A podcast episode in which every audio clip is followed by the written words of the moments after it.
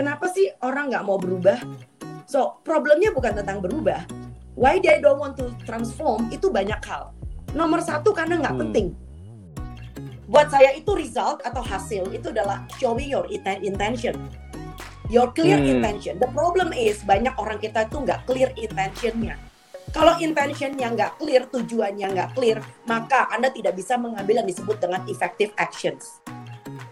Tahu nggak karena apa? Karena problemnya ada di kamu punya attitude, adanya ada di kamu punya B.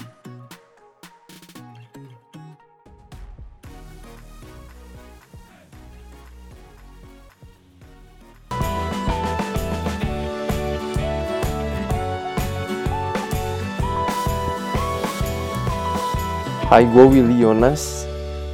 Selamat datang di podcast Sehat Seutuhnya. Halo semuanya, selamat datang lagi di podcast Sehat Seutuhnya bersama saya Willy Yonas.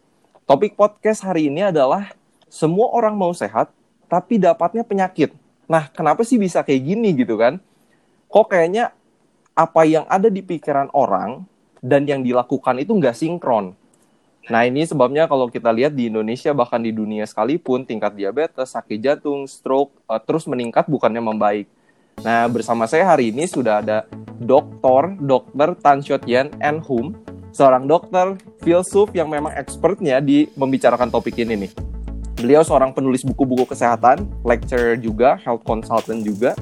Pengalaman beliau sudah banyak banget sampai saya sendiri pun bingung mau nyebutin yang mana gitu termasuk eh, selalu mengisi acara kesehatan di Selamat Pagi Indonesia di Metro TV.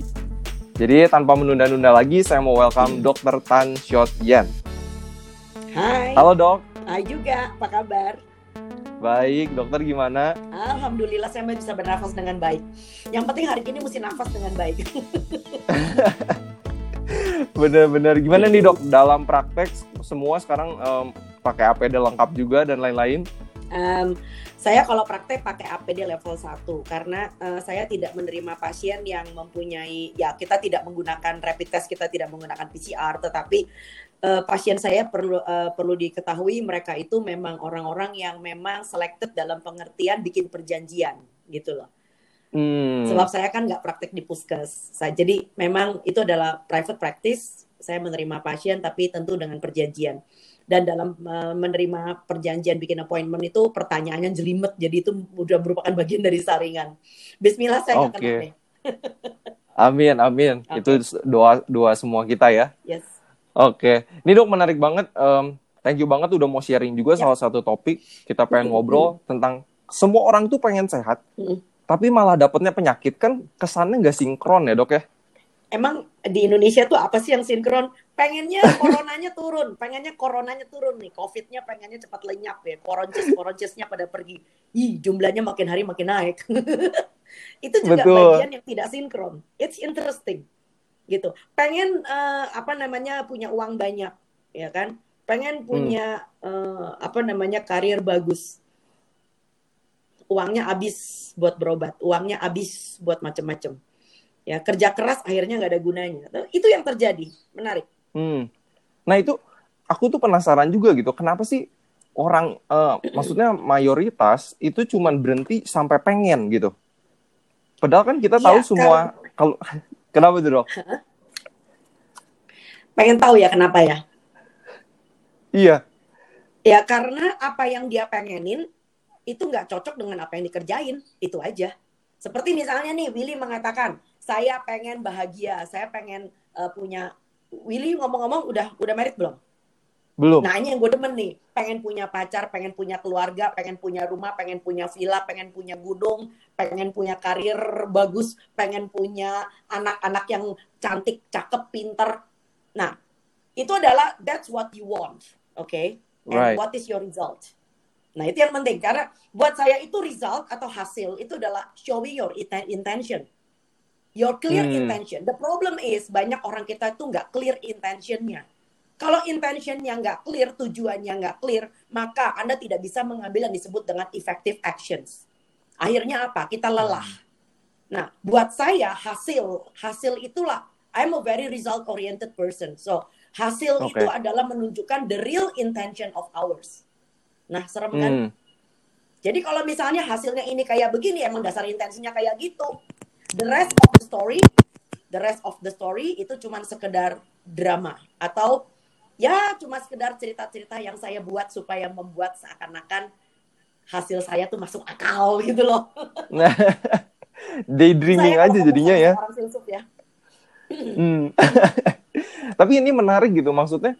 eh, tapi sering kali kalau misalnya kita ngomongin orang pengen kaya gitu, pengen lagi mulai bisnis, Hmm. mereka kan udah pengen tuh, mereka kan bakal kerja Hmm. keras gitu. Hmm. Nah tapi kenapa kalau soal kesehatan tuh enggak gitu?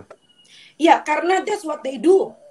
If you want to get rich, so you do working. Tetapi you you are not being rich. Itu yang penting. Jadi apa yang pengen yang kamu Oke, sekarang kita ngomong tentang be do dan have nih. Eh, Hmm. masalahnya adalah saya itu pengen sehat, saya pengen kaya, saya pengen punya relationship yang bagus. So, apa yang kamu lakukan? Saya ngerjain diet, saya ngerjain baca-baca buku kesehatan, saya kerja keras, saya nabung, ya kan? Hmm. Tapi lu dapetin nggak apa yang lo mau? Enggak. Tahu nggak karena apa? Karena problemnya ada di kamu punya attitude, adanya ada di kamu punya be. Nah, kalau bahasa Indonesia sulit ngomongnya. Kalau kamu Hmm. pengen a loving and caring relationship, apakah kamu cukup hanya dengan sekedar ngandelin candlelight dinner? Enggak. You need to be loving and you need to be caring, right? Itu. Hmm. Nah, padahal lu cuma makan kuaci aja di depan rumah berdua sama dia. Bisa. Then you gonna have a very loving and caring relationship. Kan Hmm. masalahnya ada di be. Nah, problem dengan masyarakat kita adalah tentang be. Nah, be powerful, be passionate, be honest, be realistic. Itu. Nah, dengan be yang seperti itu, itu akan membawa kamu mempunyai yang disebut dengan effective actions. Seperti misalnya nih ya, saya pengen Hmm. punya pasien yang akhirnya bukan cuma sembuh, tapi mereka tuh sehat dan mereka itu bisa menjadi pewarta kesehatan misalnya ya kan? Kalau cuma Hmm. sekedar gue pengen pasien gue sehat, gampang. Seribu jalan menuju Roma. Saya tulisin resep macam-macam juga nanti diabetesnya turun, tensinya turun, kolesterolnya turun, semuanya kalau dicek di lab. Tapi Hmm. will it last long? Apakah itu akan berjalan dengan uh, uh, apa namanya sempurna selama lamanya? They gonna be like that? I don't think so. No. Nah, Hmm. menjadi seorang dokter ya. Nah, ini saya bicara sedikit tentang saya ya. Menjadi ini dokter menarik. adalah bicara tentang passion, Mas. Bicara tentang Hmm. passion. So, kadang-kadang kita harus melakukan segala macam cara ya, tapi tentunya according to the science ya. According to the Hmm. apa namanya ethics juga bahwa segala macam apa pun that you being passionate, you being powerful with your client, you being honest in such a way that Anda punya klien dan mereka jadi paham. Nah, itu penting. Nah, itu yang kerap Oke. kali missing di tempat kita. Jadi gimana ya? Itu sebabnya menjadi dokter tuh merupakan panggilan buat saya. Itu menyenangkan sekali. You live with life Hmm. gitu loh. Nah ini kayaknya kalau kalau kalau seseorang pergi ke dokter kayaknya berapa lama sih dok biasa eh, mereka ketemu dokter pasti ngobrol kayak gini nggak diedukasi nggak nih kayak gitu Oke. penasaran Oke, pasien baru biasanya kalau ngoceh ngoceh ngoceh punya ngoceh itu bareng sama saya hampir dua jam loh. wow Pening kan? Oke, karena So, gini Mas, pertama kali saya ketemu sama pasien, saya belum apa-apa saya bilang sama mereka, tolong jangan perlakukan saya sama kayak dukun. Itu penting. hmm, Ya, kenapa gue bilang begitu? Sebab kalau lu memperlakukan gue kayak dukun, maka kalau pergi ke dukun, orang selalu nanyanya demikian, bagaimana caranya? Bagaimana gulanya turun? Bagaimana kankernya hilang? Bagaimana supaya kurus? Bagaimana dapat jodoh? Ya toh? Dukun. ya Nah, seribu satu jalan menunjuk. Makanya kamu pengen bagaimana caranya, dokternya yang paling tahu. Tapi Anda tidak mempunyai kendali apa pun dengan hidup Anda. Wes, tak jalani apa pun resepmu, tak lakoni. Ibaratnya gitu ya kan? Saya nggak Hmm. mau. Saya nggak mau. Saya pengen punya pasien pinter, Mas. Punya pasien pinter itu kalau ke saya, biasanya harus saya wajibkan nanya, dok, saya kenapa? Ini penting. Sebab begitu kamu Hmm. kenapanya, Kenapa saya punya diabetes nggak bisa turun-turun? Kenapa saya punya diabetes tapi sekarang malah serangan jantung? Kenapa saya bisa kena stroke? Kenapa saya punya kanker? Kenapa ibu saya kena kanker tapi saya nggak bisa mencegah? Sebab begitu kamu ngerti kenapanya, ke depannya siapa yang pegang mas? kita sendiri pasiennya Exactly. sendiri Enggak, kamu sendiri. Kalau kita gue ikutan, gue kagak itu gue ikutan. Oh. ya, jadi itu penting, itu penting. Jadi itu yang saya mengatakan itu adalah hak dari seorang pasien untuk dapetin dari dokternya. Ya, you need to get Hmm. the soul of the doctor. Jadi do- dokter itu kata lain dari dokter itu asal mulanya dari kata docere, Mas. Dari bahasa Latin. Docere Oke. artinya apa? Ar- Ngajar. Ngajar. So you Hmm. educate your client. Gitu loh. Nah, kabar baiknya adalah begitu mereka ngerti kenapanya, lalu mereka berubah dari kata patuh menjadi paham. Waduh, ke depannya enak banget, Mas. Ke depannya enak banget. Hmm. Dan itu justru menjadi kontrol sosial dari seorang pasien terhadap dokter. Itu sebabnya saya mengatakan sama pasien saya, jangan pernah mau patuh sama saya. Ya, kasar ngomong orang Betawi bilang kan, Hmm. kalau patuh itu namanya ngikut bego. Makanya lu kalau ke dokter ini boleh itu nggak boleh ini boleh itu nggak boleh ini boleh itu nggak boleh ini boleh itu nggak boleh. Saya bilang setan lagi libur Tuhan lagi cuti geragas semua diembat. Iya dong. Nah karena orang patuh tuh butuh polisi mas. Ya kalau perlu gua Hmm. pasang GPS tinik telinga di telinga. Ya ya ya ya makan apa? Yo yo yo yo yo makan apa? Yo yo makan apa? Duh nggak enak Hmm. itu kayak gitu. Ya, nah ini yang terjadi di Indonesia sama. Itu berlaku juga kenapa kita pakai masker aja mesti diawas-awasin. Ya ya ya ya ya ya jangan pakai masker. Yo yo yo yo yo push up. So I'm sorry to say, I regretly say ini ini ini ini levelnya anak TK gitu loh. Karena apa? Hmm. Karena anak di bawah umur itu otak depannya tuh frontal cortexnya, prefrontal cortexnya tuh belum jalan. Padahal yang dihadapin Hmm. sehari-hari adalah orang yang udah punya KTP 17 tahun ke atas. That means you can make a choice, right? Gitu. Benar. Ya, karena kamu udah punya otak depan. Otak depan, otak prefrontal cortex itu mengatakan kamu mengetahui banget baik buruk dan benar salahnya dari tindakan kamu. So, semestinya Indonesia nggak boleh seperti sekarang. Kita sudah 75 tahun merdeka.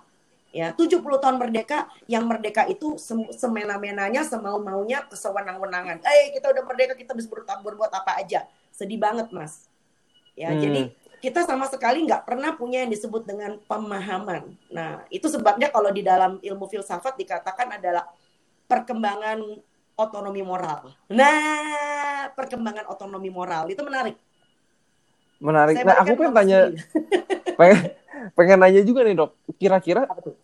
apa sih yang membuat orang Indonesia itu nggak suka tanya kenapa? Ya karena kalau dia tahu kenapanya, maka implikasinya adalah dia ikut bertanggung jawab. Nah ini dia. Ya paling enak Hmm. padahal paling enak itu menyalahkan orang lain. Paling enak itu ngelemparin tanggung jawab. Jadi kalau lo sakit yang salah bukan lo, lo yang salah dokternya. Dokternya bego. Resepnya nggak manjur. Dokternya jutek. Hmm, Terusin aja nyalain dokternya. Ya dong gitu loh ya. right. Padahal untuk bisa sehat itu kita berbagi tanggung jawab. Gitu loh. Hmm. Benar benar benar. Ya Nah, sama kalau seperti misalnya- pemakaian masker. Begitu masalah koronces-koronces ini naik, yang kita salahkan pemerintah. Begitu mudahnya kita nyalain pemerintah. Kalau perlu mencari kambing hitam. Padahal ini Hmm. adalah suatu apa ya kesetiakawanan nasional bersama. Jadi padahal Indonesia tuh ya salah satu negara yang punya hari peringatan keseti kesetiakawanan nasional. Sebetulnya kita bisa mempraktekkan momen ini loh, Mas. Hmm. Benar benar benar. Nah, Kak, Hmm. itu menarik sih. Maksudnya aku juga kemarin kan di rumah sakit eh, bagian Hmm. promkes jadi ngajarin orang cuci tangan gitu kan Hmm. sejak itu Bu. Harusnya sebelum corona juga diajarin cuci tangan enam langkah itu kan. Tapi ya Enggak, sebetulnya ada loh. Nah, ini dia nih. Kalau kamu orang promkes, pasti kamu tahu yang disebut dengan empat pilar gizi seimbang. Ayo, Hmm. gua tes. Empat pilar gizi seimbang apa? Ayo, pilih. Nomor satu. Lor, kamu tuh di Indonesia loh. Kalau di Indonesia kita mesti tahu yang disebut dengan beberapa eh, kebijakan-kebijakan yang sebetulnya itu bukan merupakan kebijakan, tapi itu sebetulnya it is entitled for the whole community untuk bisa melakukannya. Jadi bukan cuma sekedar kebijakan basi. Jadi Hmm. kita punya namanya empat pilar gizi seimbang. Yang pertama adalah makanan maka, makanlah makanan yang beragam. Ya, beragam itu artinya karbohidratnya juga beragam, nggak cuma nasi doang. Kita punya Hmm. ubi, singkong, kentang, jagung, talas, kimpul, ganyong, garut. Nah, banyak banget oh. kita punya protein yang beragam. Protein itu nggak cuma daging merah, kita punya apa namanya telur, kita punya ikan, ya juga punya protein nabati dan ikan Indonesia adalah ikan yang paling paling bervariasi dan paling kaya di dunia. Ya, Hmm. tapi kita kerjanya ngekspor kan, Ra- rakyat kita cuma makan kerupuk ikan. Oke, baiklah. Lemak, ya kan? Keberagaman lemak. Lemak itu bukan cuma minyak goreng. Lemak itu juga termasuk adanya kacang-kacangan. Kita punya kelapa, kita punya santan, bisa dibikin urap, nggak juga santan kelapanya. Kita punya alpukat, any kind of nuts and beans. Hmm. makanan yang beragam dari sumber masing-masing makronutrien. Dan yang ketiga, yang ketiga adalah apa? PHBS, Mas. Pola hidup bersih Hmm. dan sehat. Nah, Sehat. PHBS itu salah satunya adalah cuci tangan pakai sabun dengan enam langkah. Jadi Betul. ada, udah ada sudah sejak zaman kibrit. Nah, yang keempat, yang keempat adalah pemantauan kesehatan. Nah, itu adalah empat pilar gizi seimbang. Jadi gizi nggak cuma bicara makanan.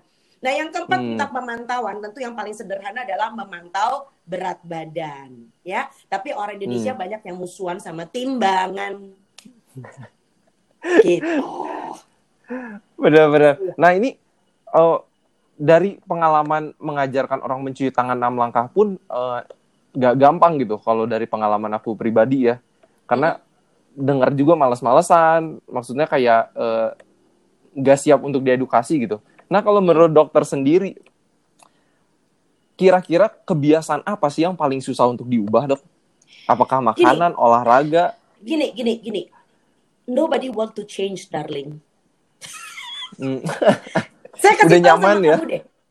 Saya kasih tahu sama kamu, nggak ada orang mau berubah. Ya, Hmm. orang-orang itu orang itu nikmat banget berada di dalam zona nyaman, in a comfort zone. Ya, dan Hmm. kalau saya tidak berubah, saya baik-baik aja. Why should I? Kenapa gue mesti Right. berubah? Gitu loh. Bahkan jangan jangan ngomong perilaku. Tak kasih tahu ya, baju yang paling enak, kaos yang paling enak, kolor yang paling enak itu kolor dan baju yang paling lawas. Baju baru tuh Yes. enak, gatel. Nah, itu dia. Jadi gini Mas, kita bicaranya bukan tentang mengubah. Kita bicaranya adalah we transform people. Ya, Hmm. transformasi itu adalah bicara to bet to be a bet to uh, uh, to to be in a better future. Nah, to be a better Hmm. future itu tidak semua orang bisa paham, Mas. Tak kasih tahu. Sebab Hmm. untuk bisa membicarakan tentang the future we want to have, so then Anda harus punya yang disebut dengan kemampuan abstraksi. So then you can Hmm. project your life. Anda bisa memproyeksikan hidup Anda 5 tahun dari sekarang, 10 tahun dari sekarang, 20 tahun dari sekarang, dan barangkali anakmu dan cucumu berikutnya. Nah, yang menyedihkan Hmm. dari bangsa ini, Mas, adalah kalau kita stunting, stunting itu tidak selalu pada anak-anak yang sekarang kita lihat tinggi badannya tidak cukup dan sebagainya, IQ-nya rendah, Hmm. tidak. Stunting dalam pengertian abstrak itu adalah tentang utaknya cupet gitu. Ya, jadi artinya tuh mestinya yo bisa mikir adoh gitu loh, tapi yo mikirnya cepet gitu loh ya. If you Hmm. only live for today and you still struggling, ngapain juga lu berpikir tentang 10 tahun ke depan? Nah, bicara Right. tentang cuci tangan pakai sabun segala macam, bicara tentang makan sehat. So, buat kebanyakan orang itu nonsense. Sebab apa? So far Hmm. so good. So far so good, so far is okay. Nah, bayangkan kalau yang di depan mata aja, Anda ngomongnya so far so good. Apalagi Anda mau bicara sesuatu, let's say virus yang tidak terlihat. That's Hmm. oh my god. It's it's it's abstract, very much abstract gitu loh. Nah, itu yang Hmm. saya mengatakan bahwa hanya orang punya literasi yang mumpuni, maka dia bisa berpikir tentang ke depan. Kita bicara tentang Hmm. abstraksi. Dan itu bicara tentang kecerdasan. Dan bayangin kalau rakyat kita cerdas, nggak bakal Indonesia seperti ini. Kalau yang tidak cerdas, Hmm. itu mainnya kotor. Kalau yang mainnya kotor, maka kita bicara tentang kepentingan. Itu pun, itu pun, maaf ya kalau ada yang keinjak. Itu pun Hmm. akhirnya ada orang walaupun katanya educator, walaupun katanya dokter, walaupun katanya profesional, pakar, akademisi, ujung-ujungnya juga berbalik pada kepentingan, Mas. Gitu. Hmm. Berapa banyak Anda udah wawancara orang nih ya, barangkali pejuang ASI, eh, pejuang makanan sehat gitu ya. Right. Tapi tebak, mereka itu kalau ngeluh sama kamu nih, kalau kamu diizinkan menerima keluhan, mereka ngeluhnya Hmm. apa?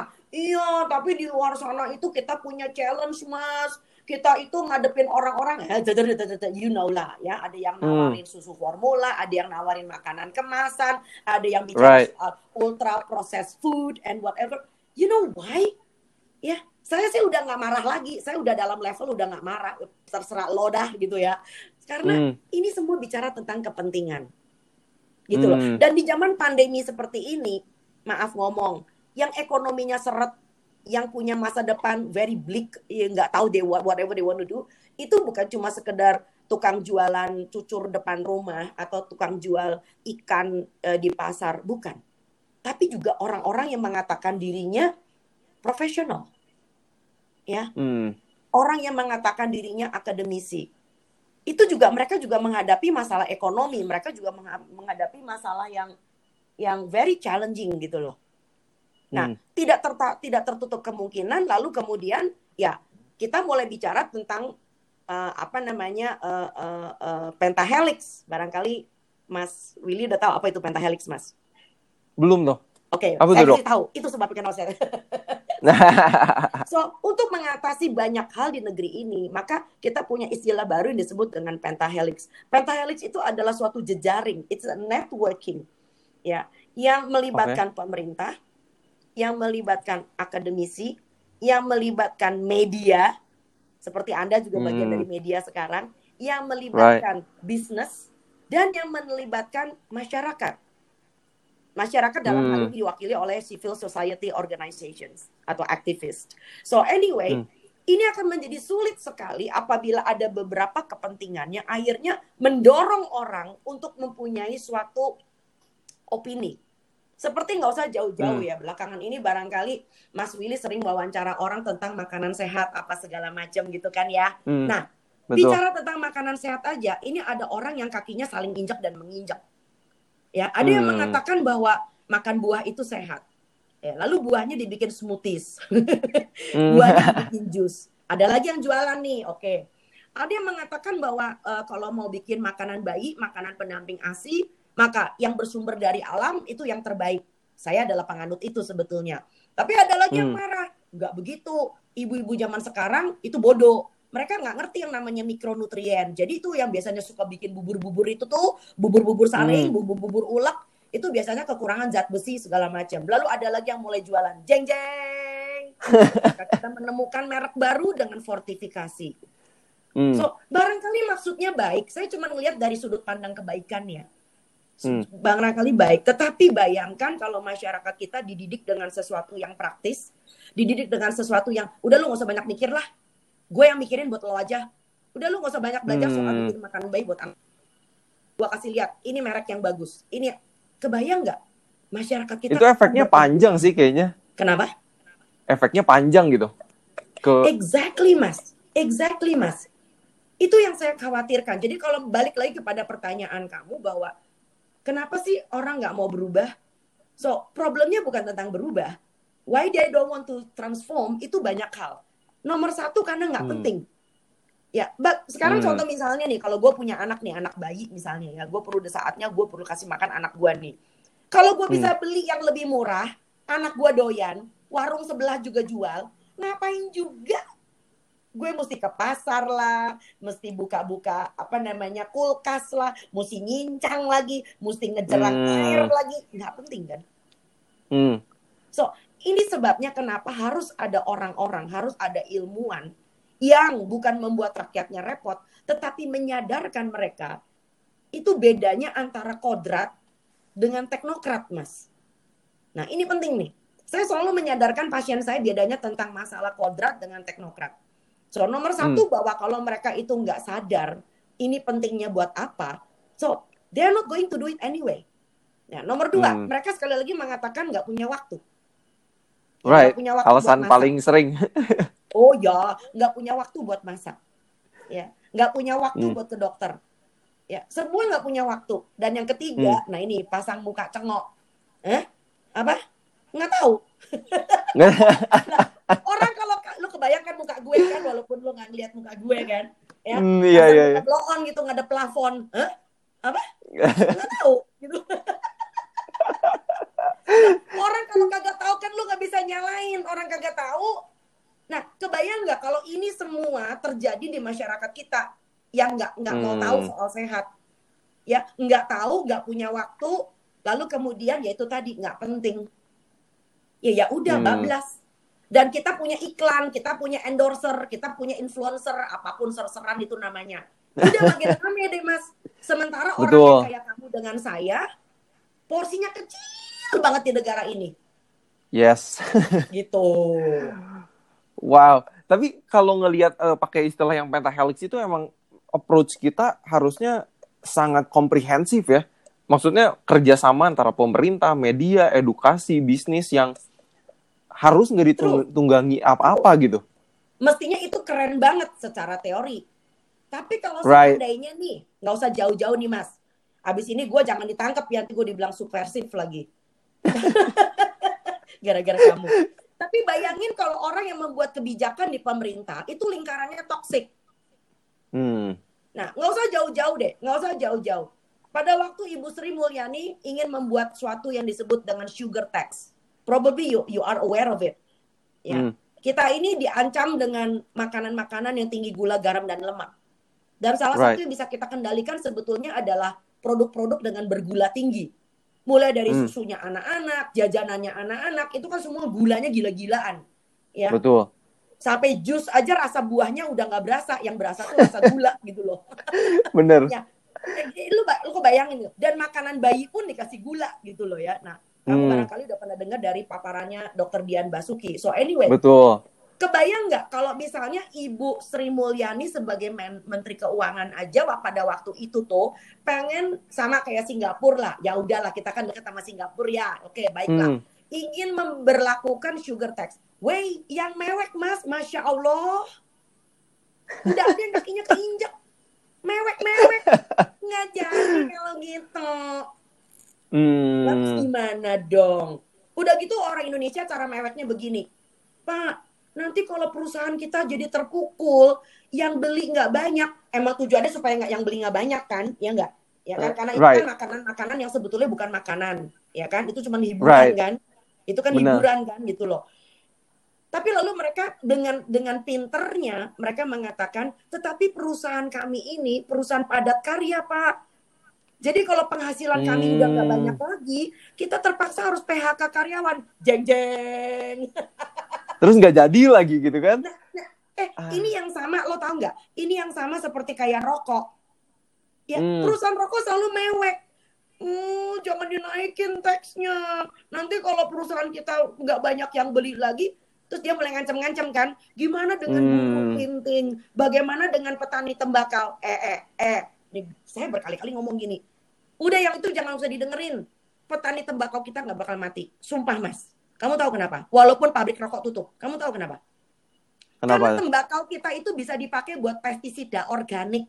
Ngerti lah? Hmm, pemanfaatannya nah, bisa beda gitu kan? Ya, maka dari itu, jadi yang mewek ini adalah kelompok-kelompok tertentu. Gitu hmm. dong. Nah, kebetulan kelompok-kelompok tertentu itu juga kang taunya tinggi. Orang Cina teh bilang kang tau. Kang artinya modalnya gede tong gitu loh. Bener, bener, bener. Nah, yang modal-modal gede ini juga selalu merapat pada, ya you know lah.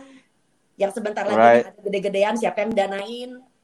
Hmm ada banyak sekali hutang-hutang budi. Makanya saya selalu mengatakan, apabila pemerintah tidak mempunyai suatu ketegasan, tidak punya hutang, eh kalau hutang budinya terlalu banyak, habis kita.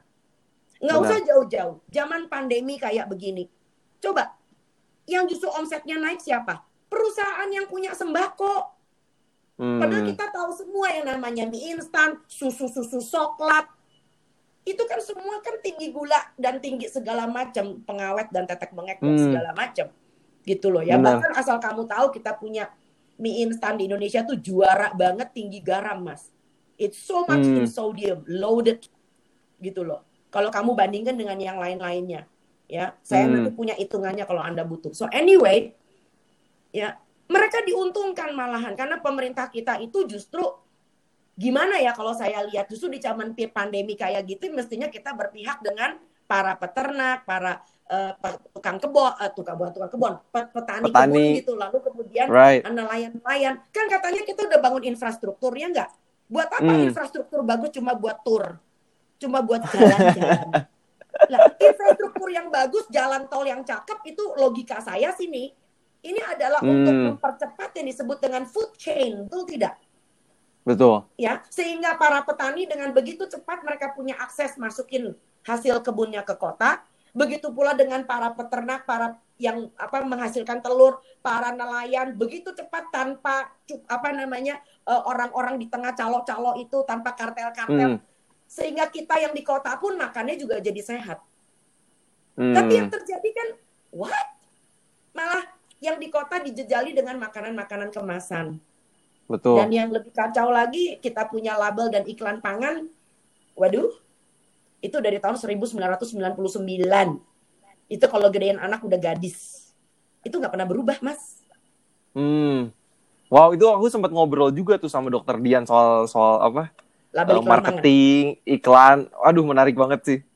Makanya Sangat jadi menarik. kalau dikawinkan ini semua orang yang pernah kamu ngobrol itu sebetulnya kita bisa bikin petisi, Mas. I know, right? I think so. Ayo, Dok. Ya. Mari, mari. Eh, Kita bukan untuk kita bukan untuk mengkritik siapa pun. Hmm. Kita semua sama-sama mencintai tanah air kita. Kita sama-sama mencintai bangsa ini. So yang Right. kita lakukan ini bukan perkara menentang, nyinyir, oh tidak. Justru Hmm. kita ini berjuang untuk memberikan rekomendasi. Nah yang menarik Yes. adalah rekomendasi dari orang-orang kayak kita nggak didengar. Tapi begitu Hmm. rekomendasi bicara tentang ekonomi, oh very much suggested. Right. Ya aku tuh pun waktu itu ikut kayak eh, ada webinarnya dokter Dian waktu itu aku ikutin. Maksudnya topiknya bagus banget gitu. Mm-mm. Eh, tapi yang ikut kayak cuman eh, 150 misalnya 200 maksudnya nggak seviral yang kalau pakai influencer dan lain-lain gitu kan. Jadi kayak PR-nya banyak sih emang. Eh, begini mas, begini mas. Kalau saya ngelihatnya begini, akan salah total apabila misalnya webinar yang bagus, lalu supaya kelihatan viral, lalu kemudian kita masukin influencer. Aku kok nggak merasa kita Hmm. harus sampai sehina itu ya mas ya, Hmm, sampai nyewa-nyewa influencer. The problem is masalahnya adalah kita bukan bicara tentang influencernya, kita bicara juga tentang bagaimana cara kita menyampaikan kepada masyarakat. hmm, Nah, ini juga merupakan suatu feedback yang bagus. Nah, ini yang menarik. Feedback yang bagus tentang eh, level literasi masyarakat kita. Jadi masyarakat kita ini pada level yang nggak bisa mencerna dan tidak tertarik justru dengan isu-isu serius yang dibawakan dengan serius, yang dibawakan dengan responsible. Hmm, Justru masyarakat kita itu demen banget sama yang viral-viral, yang receh, yang nggak Hmm. penting banget. right. gitu loh. Sama seperti waktu kapan itu kan ya gua nggak ngomong gua ngesok sih. Tapi saya sempat viral dengan mas ya, dan jemur matahari. Hmm, aku tahu banget tuh kayaknya tuh nggak ada orang yang punya ponsel yang nggak dapat cerita tentang dokter Tan Shotian dan matahari. Karena apa? Karena itu yang ditangkap dan saya sempat marah karena apa karena saya itu akhirnya dibenturkan dengan spesialis kulit karena Hmm. omongan saya itu nggak disimak dengan lengkap biasalah ada editor-editor Ada Nah, cuplik-cuplikan jadi ya. Anyway, nah masyarakat kita tuh viral untuk yang kayak gitu, Mas. Yang kelihatannya eh, apa ya, very outstanding, bombastis, sesuatu yang beda Hmm. nih, baru nih, tapi yang nggak ada gunanya, receh. Ya, Hmm. sebab kalau misalnya ya, contoh ngomong nih, misalnya saya senang orang bisa berjemur dan sebagainya dapat vitamin D ya. Vitamin D kan sesuatu yang vitamin yang kita bisa bikin sendiri lewat kulit ya, Mas ya. Betul. Tapi percuma aja kita punya berjemur kita kena vitamin D. Tetapi kalau kita masih ngerokok, Hmm, ya, kalau yang digoreng itu makanannya masih banyak. Lalu Hmm. anak-anak kita masih makan ke makanan kemasan. Jadi there is no one uh, one one apa ya? There is no one that fits all hmm, gitu loh. Sementara orang Indonesia itu ya masih itu. Kenapa upaya kamu sebagai seorang edukator itu mentok di mana-mana? Karena level masyarakat kita tuh masih kuratif. Kalau sakit hmm, ya yes. Kalau belum sakit, ya ora popo, bismillah ora loro. Gitu loh. bener, bener, bener, bener. Ya, itu Wow. kan menandakan level dari literasi, Mas. Itu Hmm. sebabnya kenapa barangkali kita perlu sedikit merunduk sedikit untuk nyamain level of literation itu. Hmm, Nah, itu sebabnya kenapa ketika dalam praktek, ini ngomong sedikit soal praktek saya. oke. Bagaimana caranya meningkatkan literasi orang? Itu adalah dengan dengan mekanisme em, apa ya istilah saya tuh? Dengan mekanisme em, bukti. Bukti itu artinya demikian. Jadi kalau saya misalnya saya punya pasien diabetes nih, saya mau ngajarin dia Oke. makan, Mas. Biasanya yang akan saya tuntut dari mereka adalah mereka punya jurnal. Hmm, Nah, ketika mereka punya jurnal dan mereka cocokin dengan gula darah harian mereka, then mereka baru bisa percaya. Tuh, lu kalau kayak gitu Hmm. makannya kayak gini. Lu kalau kayak gitu, makanya jadi begitu. Nah, itu maksudnya. Right. Jadi memang itu disebut dengan mentoring. Jadi masyarakat kita ini Hmm. barangkali udah nggak bisa level lagi di level counseling. Counseling itu Oke. mengandaikan counseling itu mengandaikan kamu harus bicara dengan orang yang memang nggak punya pretensi apa-apa gitu loh ya. Yang betul-betul Hmm. coming from from-nya adalah coming from a clear ground. Tapi Right. bagi masyarakat yang udah begitu banyak intoksikasi, udah begitu banyak tercemar dengan uh, segala macam informasi sana sini. So counseling will be very very very hard. It will take a long time to go. Nah, dalam hal Hmm. ini barangkali yang mesti kamu masukin adalah tentang mentoring, Hmm. coaching. Nah, coaching bahasanya adalah coaching. Saya nggak ngerti bahasa Indonesia apa coaching itu. Coaching itu Oke. membuat orang itu seakan-akan kayak abis ini apa, abis ini apa, abis ini apa. Menurut lu gimana? Jadi ada partisipasi aktif yang betul-betul kita pepetin, nggak bisa dilepas Hmm. mas, nggak bisa. Kalau konseling kan kita lepas. Kalau rakyat Benar, benar, benar. benar-benar lu mesti pepetin sampai dia itu sadar, oh iya ya, oh iya ya. Hmm. Nah, seperti kayak ngajarin makan baik, ngajarin makan bener. Sampai saya tuh ngomong, saya kadang-kadang kalau ngomong memang guyon gitu ya. Lo tau nggak? Lo tuh kayak sekarang tuh kayak lagi naik bajai. Orang kalau naik Hmm. bajai memang lebih enak daripada jalan kaki sih. Tapi yang Hmm. what I'm offering you, yang gue tawarin sama lo, itu adalah naik Mercedes. Hmm. Dan biasanya sih setahu saya, orang kalau udah naik Mercedes, nggak mau turun kasta lagi naik bajai. Walaupun Mercedesnya jendelanya 20 tetap Mercedes dong, isis adem, pakai AC. Hmm. Nah, Right. seperti orang-orang yang masih makannya berantakan, apa segala macam. Kalau aku lihat, they only live for today, Hmm. gitu loh. Jadi di- mereka harus di, di kita mentorin sampai mereka tuh bisa melihat jangka panjang ke depan juga kan? Exactly. Dan jangka pendek pun they can acknowledge. Problem Hmm. orang Indonesia adalah they cannot acknowledge themselves. Itu yang bikin saya nangis. Sama seperti Hmm. misalnya, itu sebabnya kenapa aku juga curiga ya. Ini juga salah satu dasar kenapa banyak kasus korupsi, banyak kasus ya barangkali ini OOT, out of topic, tetapi itu semua Oke. very much related. Because you cannot acknowledge yourself. Korupsi, perselingkuhan. Sebab gini loh mas, Hmm. kalau aku tandain. Banyak orang kita udah melakukan begitu banyak kebaikan dalam hidupnya. Tapi they cannot see it. Ibaratnya kayak lo punya anak nih ya, tiap hari anak lo lo lihat tetap aja kayak begitu. Nggak tambah tinggi kan. Hmm. Tunggu sampai ada orang yang udah sekian bulan, sekian tahun nggak ketemu, lalu bilang, Will, buset, anak lu sekarang udah tinggi banget. Oh iya ya, tinggi ya. Perasaan gue ini sama-sama aja. Klien kamu barangkali they will need somebody to let them acknowledge themselves. Oke, nah jadi eh, salah satu yang aku pengen tanyain juga eh, dengan tadi yang kayak kan eh, banyak juga faktor-faktor eh, industri, eh, marketing dan lain-lain yang Mm-mm. eh, kayaknya mem- membuat masyarakat juga susah untuk melakukan perubahan gitu dok. Nah kalau Mhm. kayak gitu secara individu eh, itu kita harusnya gimana sih dok? Apakah benar-benar eh, kita ya sekali lagi harus ngerti jadi benar-benar kayak marketing itu kayak nggak mempan sama kita atau gimana tuh? Biasa dokter mensiasati pasien-pasien eh, yang seperti itu juga. Iya, sekali lagi eh, barangkali eh, saya yang saya lakukan adalah saya nggak mau ngurusin eh, apa namanya eh, tetangga ya istilahnya. Saya nggak mau ngurusin lahannya orang ya. Let Hmm. them do whatever they need to do ya kan. Saya cuma fokus pada kerjaan saya sekali lagi. Jadi intensinya apa? Kalau intensinya adalah saya pengen pasien saya bisa acknowledge ya. Sekali lagi problemnya adalah acknowledgement ya. Pasien Hmm. saya bisa acknowledge misalnya, eh eh, kok eh, saya jadi lebih baik ya, saya lebih nyaman. Bahkan eh, saya bisa lepas obat misalnya, kalau suatu hari Hmm. dia perlu lepas obat. So itu membuat mereka menjadi lebih percaya diri. Ya, jadi prinsipnya Hmm. adalah eh, saya selalu endorsing yang disebut dengan empowering people. So empowerment Hmm. itu penting banget. Dan empowerment itu memang tidak mudah untuk dijalankan karena masyarakat kita sudah eh, terbiasa dengan kata praktis, sudah terbiasa melemparkan semuanya pada orang lain. Saya cuma Hmm. menikmati hasil, tetapi dengan Anda memberikan empowerment itu kepada mereka, maka rasa percaya diri itu kan muncul. Jadi implikasinya banyak banget, Mas. Ya, seperti Hmm. misalnya kalau kita bisa terbebas dari pandemi bukan semata-mata karena vaksinnya udah ada, tapi karena kita punya disiplin, kita tahu bagaimana cara virus itu menular, itu itu secara tidak langsung akan memberikan rasa percaya diri yang sangat baik bagi seorang bagi suatu bangsa, Mas. Hmm. Benar-benar itu itu itu itu bagus banget sih. Ya, itu that's very powerful. I know it. Right, right. Kayaknya dari dari pengalaman dokter dengan pasien-pasien juga pastinya dokter sudah banyak mengalam melihat banyak perubahan juga ya.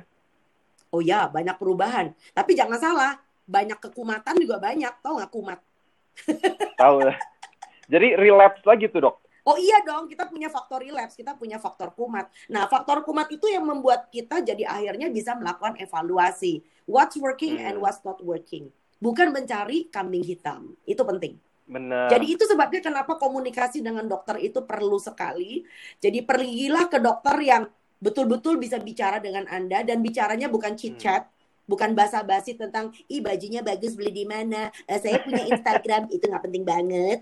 Tetapi bagaimana pergi ke seorang dokter yang bisa membuat Anda punya rasa percaya diri, bahwa Anda bisa mempunyai empowerment juga, Anda bisa melihat hmm. hasil. Itu penting banget.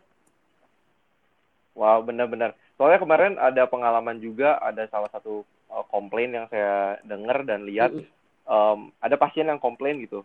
Ini kenapa sih katanya dokternya periksanya cepet-cepet banget kayak dikejar setan katanya.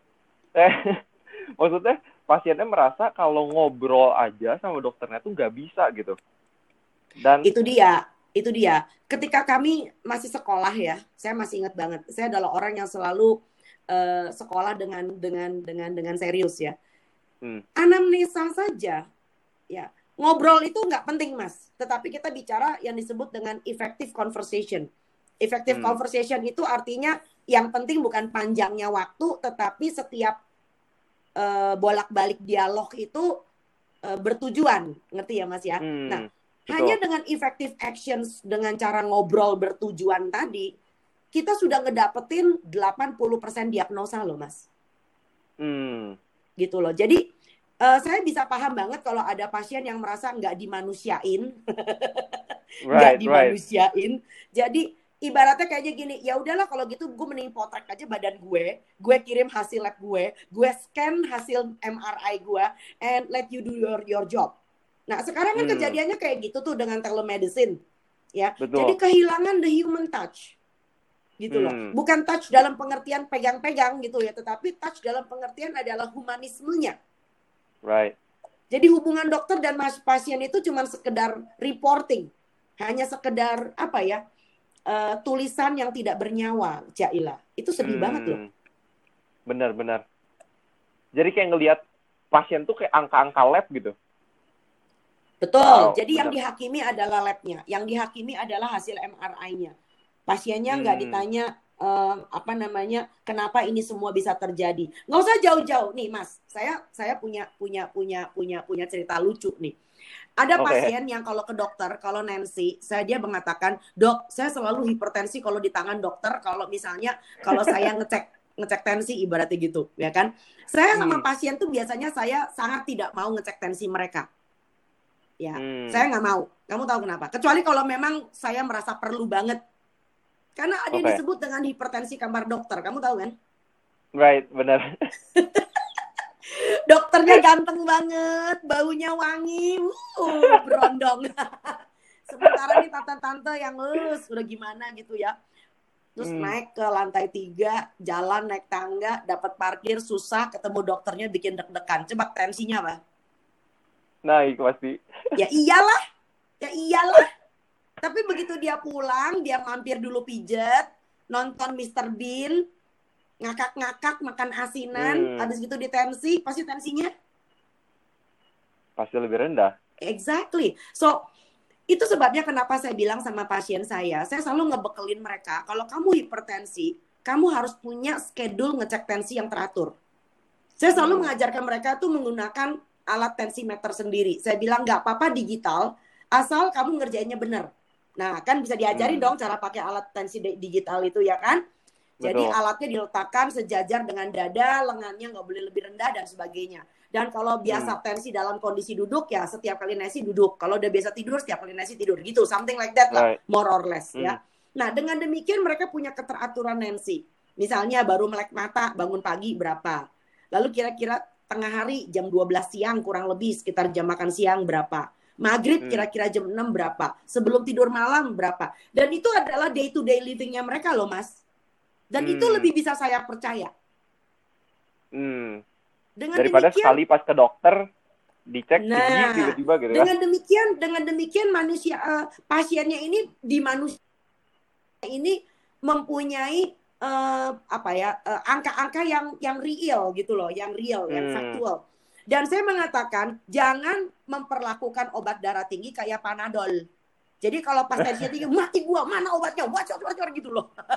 gitu loh. Jadi banyak pasien kan memperlakukan obat darah tinggi, obat kolesterol, obat eh, diabetes kayak panadol. Kalau pas Hmm. lagi nggak enak, kalau pas lagi tinggi baru dimakan. Right. Kalau enggak dia ketakutan sendiri. Dia ngomongnya kayak Hmm. "Eh, nanti bakal nyerang ginjal lah, nanti livernya rusak lah. Ini menunjukkan bahwa pasien-pasien kita tuh nggak punya edukasi, mas. Hmm, betul. Gitu. Benar-benar. Wah, oh ya nih, ini pengen eh, nanya juga nih, kan kita lagi ngomong oh, orang sehat malah dapetnya penyakit gitu kan. Nah, sering kali eh, ada juga yang pakai strategi menakut-nakuti pasiennya gitu untuk berubah. Nah, kalau kalau menurut dokter sendiri gimana sih dok cara menakut-nakutin dokter itu apakah bener efektif atau enggak malahan? Sebetulnya jujur ngomong gue nggak pernah denger sih ada dokter kayak gitu. Kalau dokter kayak gitu gue juga gue ketakutan. gini gini gini gini. Eh, sekali lagi seperti yang saya bu- saya bilang di awal pembicaraan kita, ya, energy follow intention. Jadi what is your Hmm. intention? Kalau hasilnya pasien lo ketakutan, ya artinya niat lu memang mau nakutin dia. Hmm, Tapi kalau misalnya hasilnya itu ternyata pasiennya lebih aware, pasiennya lebih eh, apa namanya ngeh, lebih sadar, lebih punya komitmen.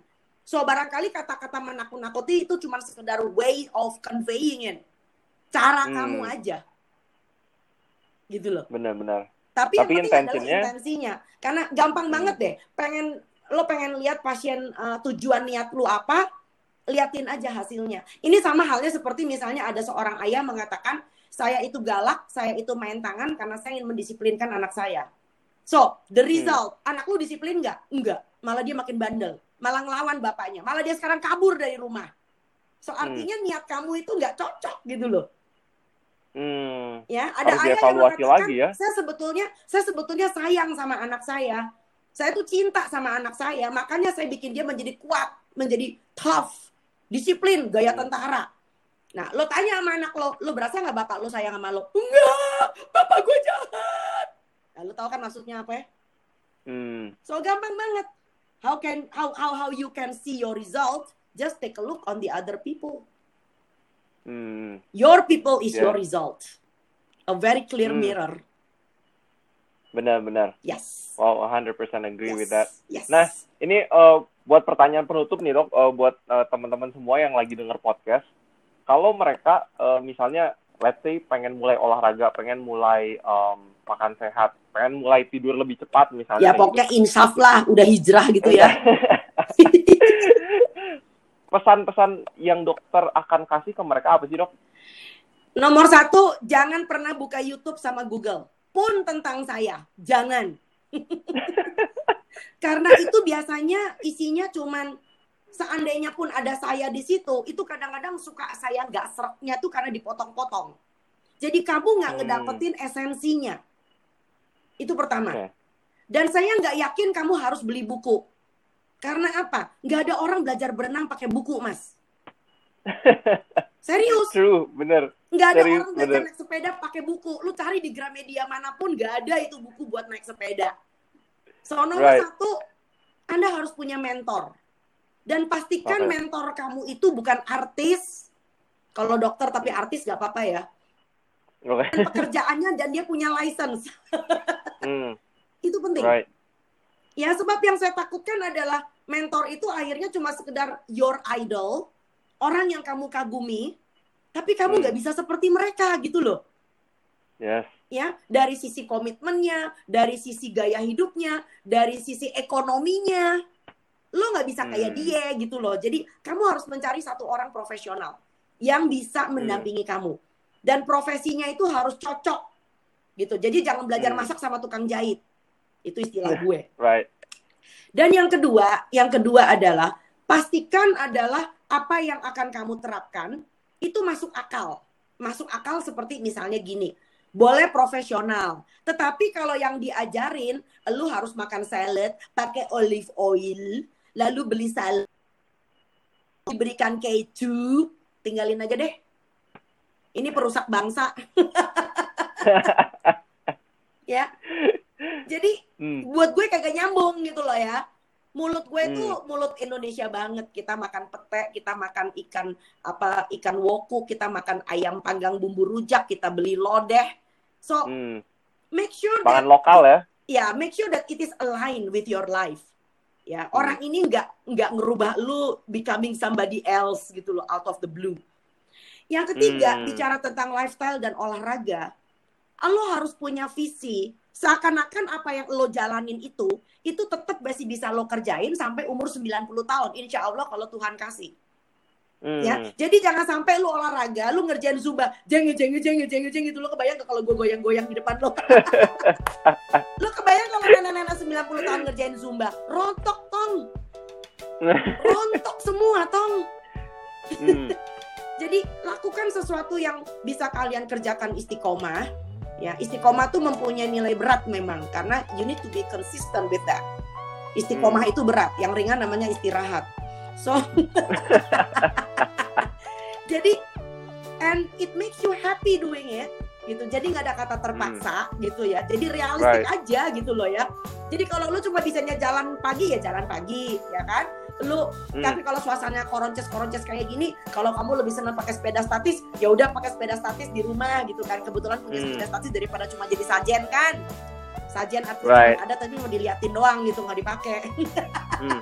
lalu berharap lu jadi punya berat badan bagus itu kan nggak masuk akal jadi hmm. itu adalah tiga kunci utama ya jadi pertama belajar sama orang yang memang uh, di bidangnya ya hmm yang kedua adalah bicara yang membuat kamu menjadi manusiawi. Jadi uh, lakukan sesuatu yang uh, sejajar, align, masuk akal dengan kehidupan kita sehari-hari. Dan ketiga adalah proyeksikan seandainya apa yang menjadi perubahan gaya hidup kamu itu insya Allah masih bisa kamu kerjain walaupun kamu udah jadi nenek-nenek engkong-engkong umur 90 tahun. Then you will have a new life to begin. Yeah. Ya, yeah, bener-bener bener. Kayaknya pasti apa ya kalau kita melihat juga kalau kita melakukan ya makan sehat olahraga dan lain-lain kalau kita bisa memiliki tubuh yang enak banget gitu kan mm-hmm. untuk dipakai dan lain-lain kayaknya itu motivasi yang kuat juga sih gitu kan iya iya iya ya. tapi ya saya paling benci disebut motivator karena gue nggak motivate anyone gitu loh uh, hmm. yang penting adalah sekali lagi penting nggak ini buat kamu itu yang menjawab hmm. pertanyaan semua orang pengen sehat tapi kenapa dapetnya sakit karena niatnya bukan pengen sehat. Penting nggak buat lo? Enggak hmm. itu. Right right right. Oke. Okay. wow ini mantap banget yang sudah dibagikan oleh dokter Tan. Kayaknya aduh saya sendiri pun banyak belajar pengen banget lagi lebih banyak ngobrol dan belajar dari beliau. Nanti kapan-kapan kita ketemu langsung. Yes. Kalau semoga ini kalau covid udah selesai ya. Yeah. Jakarta PSBB lagi ya. Oh Iya iya iya. Jadi buat para pendengar podcast kalian, semoga ini sudah menjadi berkat. Dengerin berkali-kali kalau menurut saya kayaknya ini sangat bermakna. Coba dengerin sekali-sekali. Prioritaskan kesehatan kalian. Kalau kalian pastikan juga kalian mengerti ya cari mentor seperti tips-tips yang tadi sudah diberikan oleh Dokter Tan. Dan sampai nanti semoga kita sehat seutuhnya.